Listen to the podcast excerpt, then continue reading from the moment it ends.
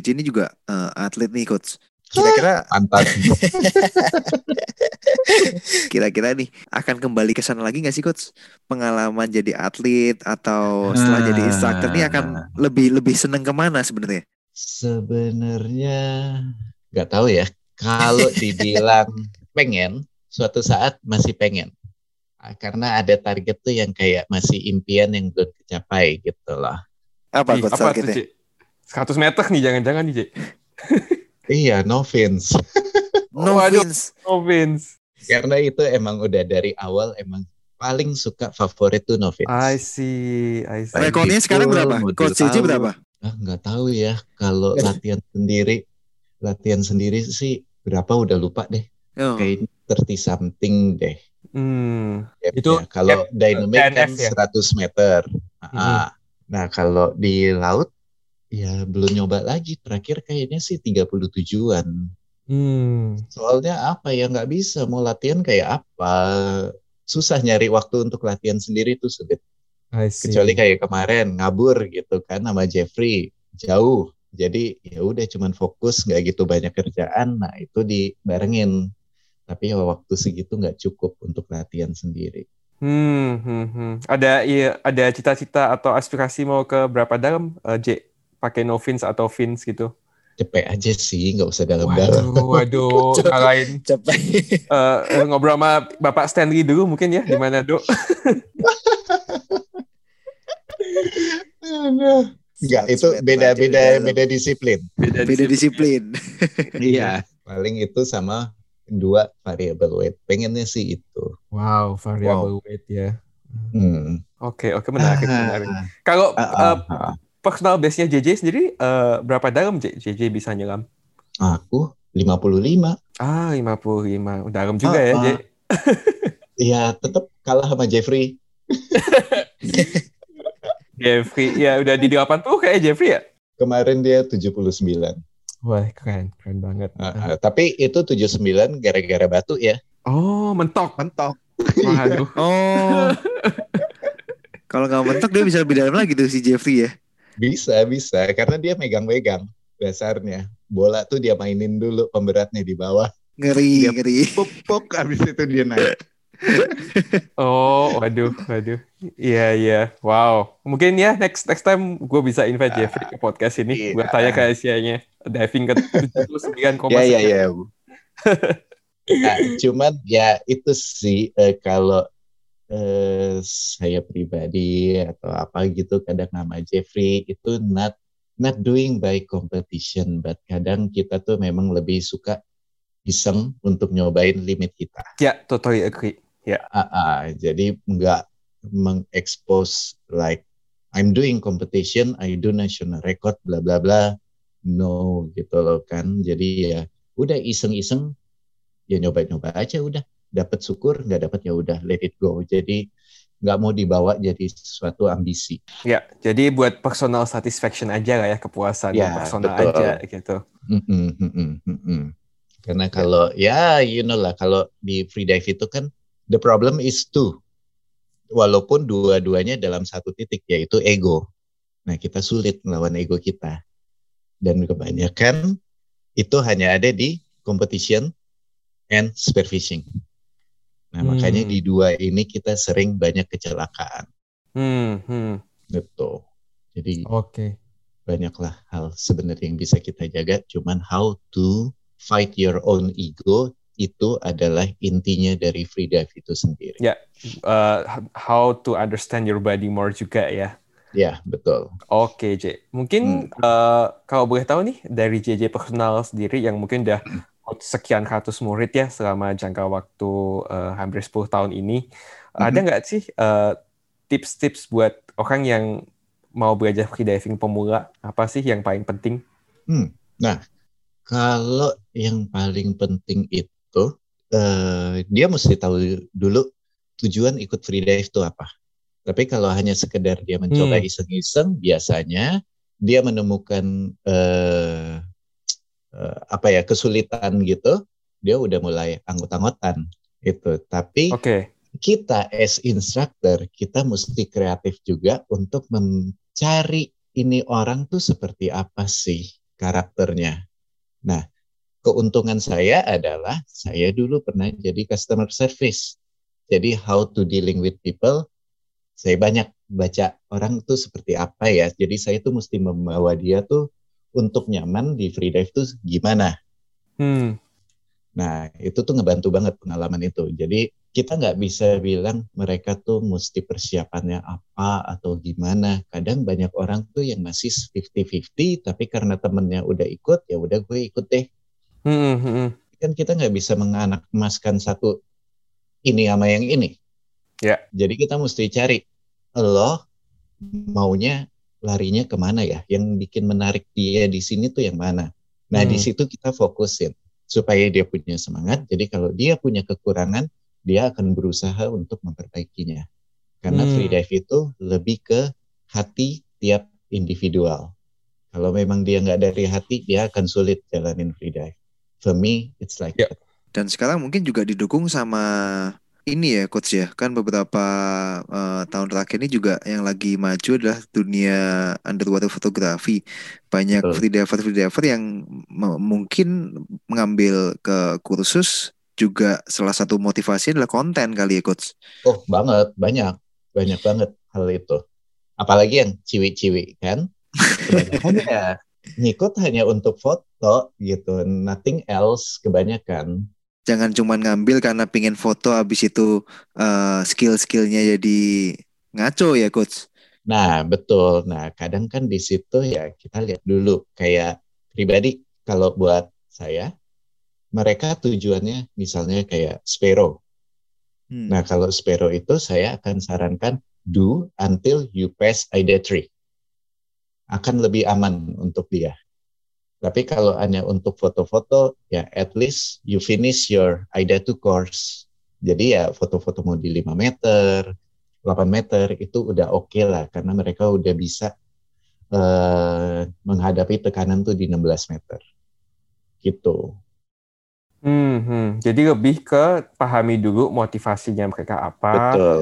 Terus hmm. uh, kelihatan sih soalnya banyak juga uh, teman-teman yang ambil course free dive tapi karena ya mungkin sekedar iseng aja karena lihat yeah, yeah. foto video tapi abis itu tidak bisa equalize dan menyerah jadi ya ya udah. Selesai uh, deh ngajin course-nya lagi. Itu dari something else ya. Kadang hmm. dengan foto itu karena mereka excited dari nggak bisa equalize mereka nggak peduli. Coba ah yang turun. Eh tiba-tiba bisa aja equalize-nya. It happens. Wow oke. Okay. terus trik lagi kayak ada yang susah banget equalize-nya kayak oh salah satunya ya muridku sama murid Mike dulu si Windul Windy Belo ya. Oh oke. Okay. ah Windy itu mesti dipancing dengan sesuatu yang oke okay, rescue. Nah dia kadang lupa. Dari sulit gua mesti bisa rescue orang. Eh tiba-tiba lupa. Nyampe aja tuh kedalaman. Dan aku suka iseng ngerjain. Uh, dia biasanya nyampe tujuh. Ah, iseng ah coba aja masuk ke 8 atau 9 gitu. Nyampe-nyampe aja dong. Equalize-nya ditanya, bisa-bisa aja dong. Tuh, berarti kalau nggak mikir masalah nggak bisa equalize, nyampe kan? gitu loh, hmm. fokus-fokus hmm. orang kadang dia stres karena dia mikirin, kok gue nggak bisa equalize ya, kenapa ya? Tapi begitu kita alihin ke sesuatu yang berbeda, dan dia mesti melakukan itu, otomatis bisa Hmm, hmm. Jadi itu Jadi masalah itu kan, mental block ya, Jaya? Betul, dalam bentuk stres karena dia kesel. Makin dia kesel ya makin dia sulit. Hmm, hmm. Tapi kalau dia bawa relax, udah deh iseng aja, ya udah. Jadi kalau kadang anak-anak yang di tali tuh agak sulit, gue suruh ya udah coba aja belajar duck dive, mau diagonal atau apa juga nggak apa-apa, iseng aja sejauh apa, pelan-pelan bantu mereka. Hmm, hmm yang yang pasti uh, eh, gue tahu kalau jadi instruktur free dive harus sabar ya. Sabar sekali. Should be. Pelan-pelan. Yang ngadepin orang kan beda-beda soalnya. Iya iya. Dan extreme sport kan. Dan mungkin ada orang yang fobia air fobia tahan nafas. Jadi emang harus step by step lah. Triknya banyak. Tapi ya itu balik lagi. PR kita sebagai instruktur untuk mencari. Hmm. untuk membantu mereka itu ya ya setuju hmm. kadang uh, ada orang yang istilahnya mau belajar free dive otodidak menurutku juga itu nggak disarankan kalau nggak tahu uh, apa risknya dan teori yang benar untuk free dive itu gimana. Betul, ya oke okay lah. Kadang yang bingung adalah kalau ngeliat mereka tuh udah punya gear yang wow, but no education. Ya, uh, for me, gue akan lebih baik membantu orang yang kesulitan dana. I will help you tapi dengan niat yang ya benar gitulah. Jadi nggak usah berat di gear dulu, tapi ya do your education dulu, habis itu ya udah baru gear. Ya kadang-kadang orang kan uh, dia belum nyemplung tapi udah udah gear upnya udah keset semua nih. Betul, Padahal betul. dia belum tahu dalamnya kayak gimana, skillnya kayak gimana. Oh iya. oke oke oke oke nangkap sih J. Nah uh, ini J sekalian hmm, uh, kan uh, coach JJ ini juga nyiptain kalau nggak salah nyiptain satu brand ya namanya hmm. Hippocampus ya hmm, itu uh, gimana sih coach coba bisa diceritain nggak ke DFPD Badi nih sekalian dipromosiin sekalian jadi waktu itu sebenarnya iseng doang sih uh, obrolan lah sama satu orang yang udah hitungannya hampir kapok dengan dunia air. Jadi uh, dia free diver juga mencoba usaha tapi mungkin agak-agak salah partner lah istilahnya kasarnya begitu. Jadi pas koinsiden ketemu dia ngomong waktu itu sama si Ican ya, uh, gue masih suka air tapi gue bingung mau apa ya, bikin apa ya yang bikin gue tuh semangat lagi untuk ketemu air. Akhirnya ya terlintas lah iseng, yuk kita bikin produk sendiri. Hmm. Apa? Ya wetsuit lah kita coba kan. Uh, Oke okay deh. Uh, akhirnya coba coba coba coba. Akhirnya ya tiba-tiba hitungannya sih nekat ya. Udah beli mesin, udah beli apa kan. Yang lucunya adalah begitu mesin nyampe dua bulan dioprak-oprek uh, saya sama Ican nggak jadi-jadi tuh mesin. Waduh. Sampai udah bingung, nih temen kita nih udah ngeluarin nih dana nih gimana ya kita ya kan gak enak hati kan akhirnya yeah. ah udahlah mau nggak mau aku jalan sendiri uh, akhirnya ketemu uh, orang yang cukup jago lah. Dia bisa semuanya all in bahkan dia yang mengerjakan. Dua bulan yang kita oprek-oprek tuh mesin nggak pernah jadi tuh orang ngebenerin cuma satu minggu beres tiga mesin. Wow. Ah, berasa ah oke okay deh. Jadi situ feel so stupid kan. Tapi ya itu balik lagi di mana saya bilang di awal uh, saya nemuin jalan uh, saya nemuin kendala saya punya kendala tapi karena ini dunia jalan hidup saya, ya saya nemuin jalannya tuh seperti apa untuk mecahin masalah-masalahnya. That's what I feel saat saya masuk di dunia freediving. Iya, ya, jadi intinya JJ percaya kalau ya udah jalanin aja dulu, kalau emang hmm. ada jalannya ya semesta mendukung lah ya. Ya, ya kalau emang itu di jalan hidupnya ya udah ada lah jalan kan. And then dari situ produk setahun lah kita tuh uji coba tuh produk Kipo tuh ada. Dari mulai ah ini bukan lemnya oh ini bukan tapi ya pelan pelan pelan pelan itu jadi ya berkembang. Makin maju makin maju makin maju jadi kita makin yakin oh ya udah ini boleh deh udah saatnya kita coba berputar dulu. Memang to be memang belum 100% sempurna so makanya uh, hipo ini saya belum mau keluar jadi still anak-anak kita aja. Jadi biarkan mereka coba. Habis itu kalau ada masalah, ya udah kasih tahu kita, kita perbaiki lagi, kita willing. Kami gitu. sekaligus kasih Jadi, feedback lah ya, biar produknya. Iya betul, betul. Ha -ha. Jadi uh, don't worry about the feedback, karena I need the feedback. Ya. Yeah. Plus ataupun minus, I don't care gitu loh. Uh, aku mesti terima dua-duanya dan aku akan review balik semuanya. Itu. Oke, oke, okay, got it. Ya, uh, so far sih kayaknya anak-anak yang beli di club up-nya ke cukup lumayan puas, Ci. Jadi ya mungkin more order hmm, will be hmm. coming. Amin. Amin. kan. Tapi ya tetap di situ tetap masih aku punya kekhawatiran kan. Uh, ya ada aja masalah karena apa saat ini yang bikin masalah tuh kebanyakan si pekerjanya capek hmm. karena dia satu-satunya hanya dibantu hmm. istrinya yang mensupport. Hmm. Jadi kadang udah disuruh istirahat pun tapi orang ini mang jalan hidupnya tuh dijahit Hmm. Jadi disuruh istirahat dia nggak bisa karena kadang jam 2 subuh aja aku lihat CCTV tuh dia gila ya nih orang udah tua tapi masih ngerjain juga. Wow.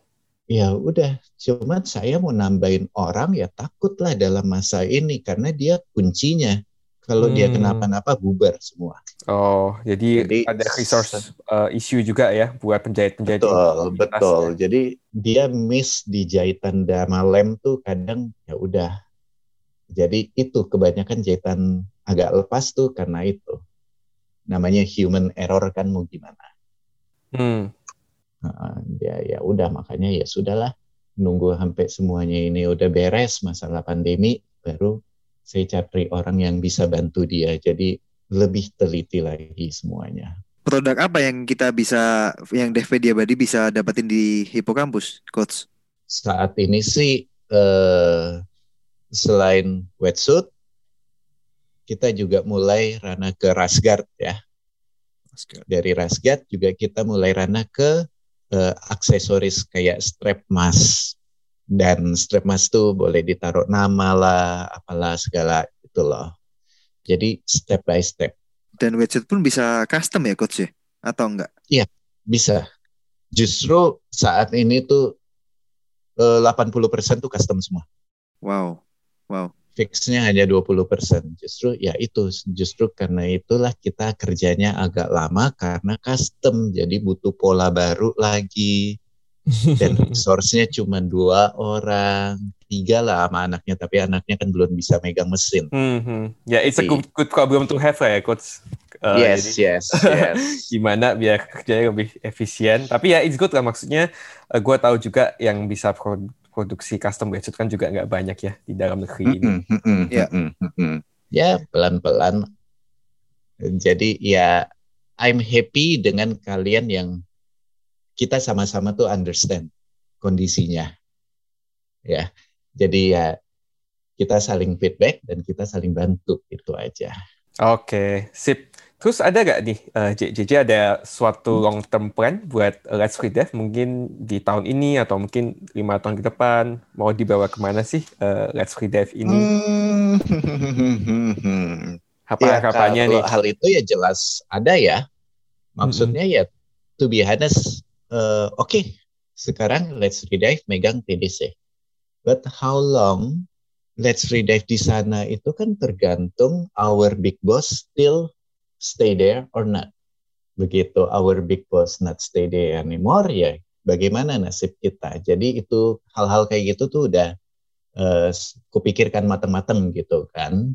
Jadi ya selama di sana ya gimana caranya kita mempelajari how to build uh, kolam selam ini and maybe one day another five year kita bisa cari investor atau apa dan kita bisa build our own pool maybe Amin. more deep Amin. gitu kan Amin. Amin deh jadi ya kayak gitu sih aku udah pernah ngomong ke ya another instructor yang aku percaya untuk kita bisa kolaborasi sama-sama gitu. Wow, semoga terwujud ya Jay ya. Uh, maksudnya. Ya, mudah-mudahan. Iya.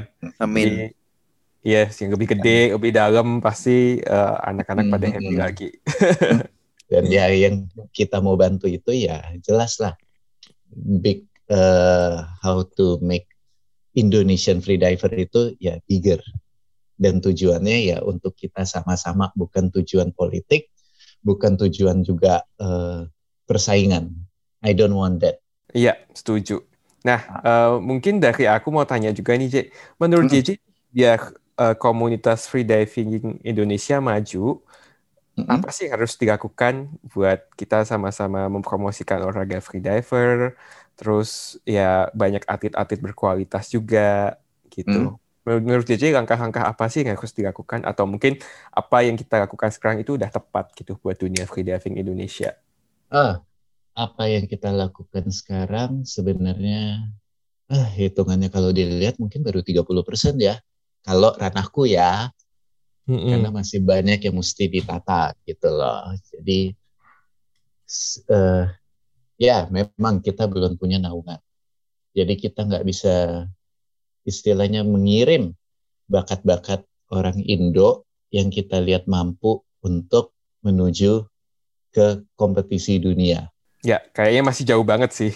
masih jauh banget hal itu. Walaupun kemampuan ya mungkin udah mulai ada ya. Iya, iya. Kayak lihat Jeffrey, Stanley dan lain-lain ya, ya kan. udah bisa lah. Uh, uh, uh, uh. Sebenarnya kalau Jeffrey by Vince, sebenarnya kalau dia dimasukin itu kemungkinan dia 10 besar dunia loh.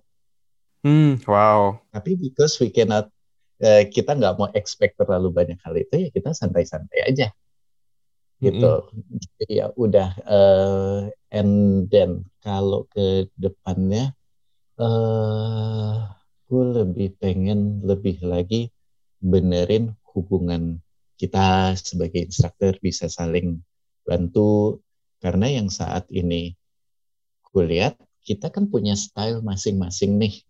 Ya. Nah, itu bagus. Justru kita jangan punya style yang sama karena akan membuat jadi monoton.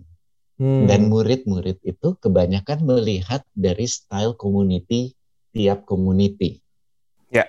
No problem with that karena that's make us uh, growing up. Yang penting mereka lihat instruktur-instruktur mereka tuh bisa saling kerjasama. Itu yang aku mau. I see. Jadi ya di antara murid tuh juga nggak ada istilah gosip-gosip yang uh, instruktur gue begini, instruktur sana tuh begitu, bla bla bla tuh aku kurang setuju sebenarnya. Tapi ya I have a lot yang seperti itu. Cuman hmm. ya bukan berarti aku mesti menjelekkan instrukturnya, tapi ya this is community. Jadi kalau emang lebih banyak mau latihan uh, compete atau apa ya ke yang sini, mau yang foto-foto yang ke sini, mau yang fun-fun ke sini. Jadi ya you can choose that. Atau yang ngambil dulu ke mereka, habis itu lebih nyaman latihannya ke komunitas mana, it's free.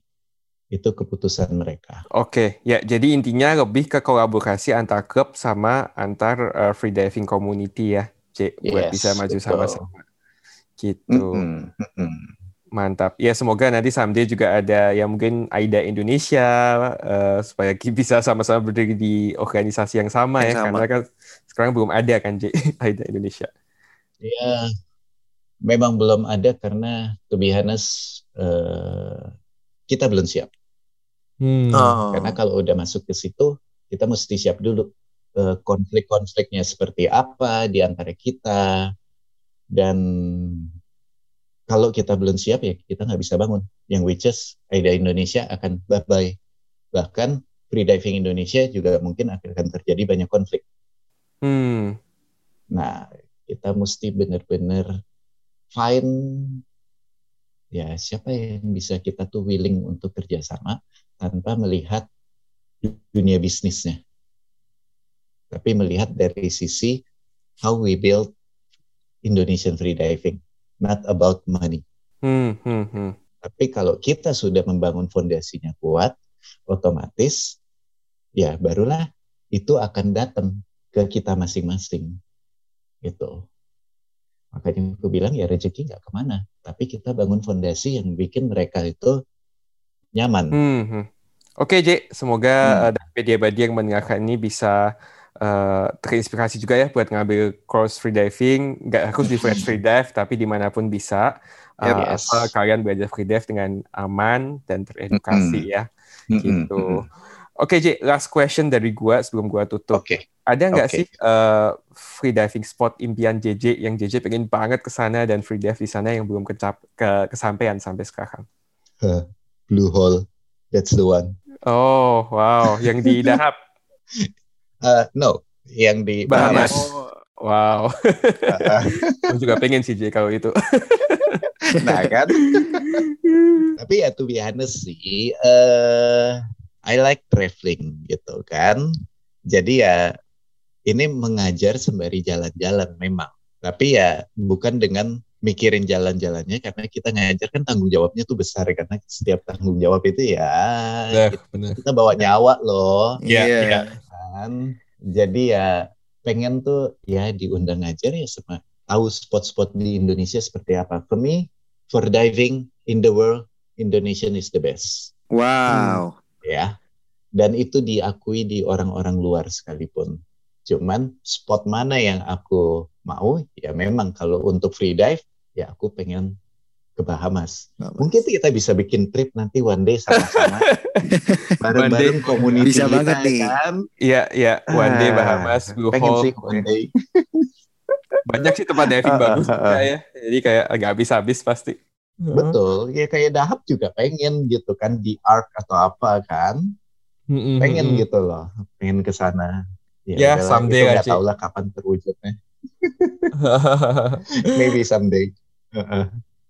Oke, okay, uh, thank you so much Jay buat waktunya. Uh, yeah, Mungkin uh, ada satu dua patah kalimat dari JJ buat Divepedia Badi yang ingin belajar uh, free diving. Um, itu balik lagi tadi cari tujuannya untuk ngikutin free dive itu apa. And then kalau ini apa Divepedia ya, Divepedia doing more ya banyak lah kita instruktur masih banyak kan.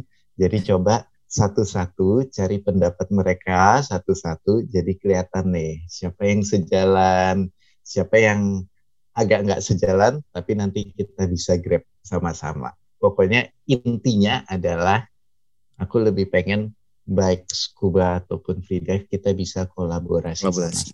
ke depannya.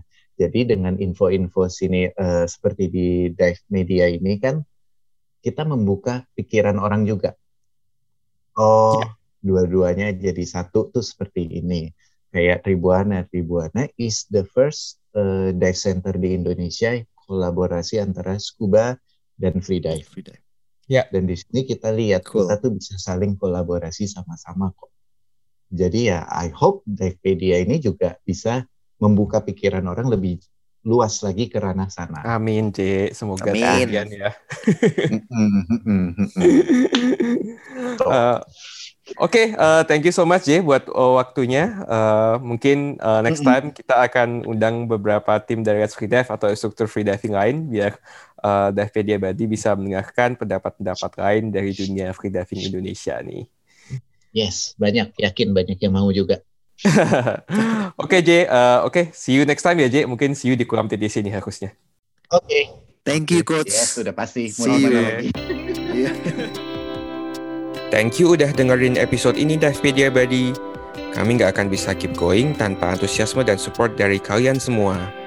Jika kamu merasa belajar sesuatu setelah mendengarkan Divepedia Podcast ini, kamu bisa follow, subscribe, dan share episode ini ke teman-teman dan circle kalian. So, see you on the next episode and hope to see you underwater soon.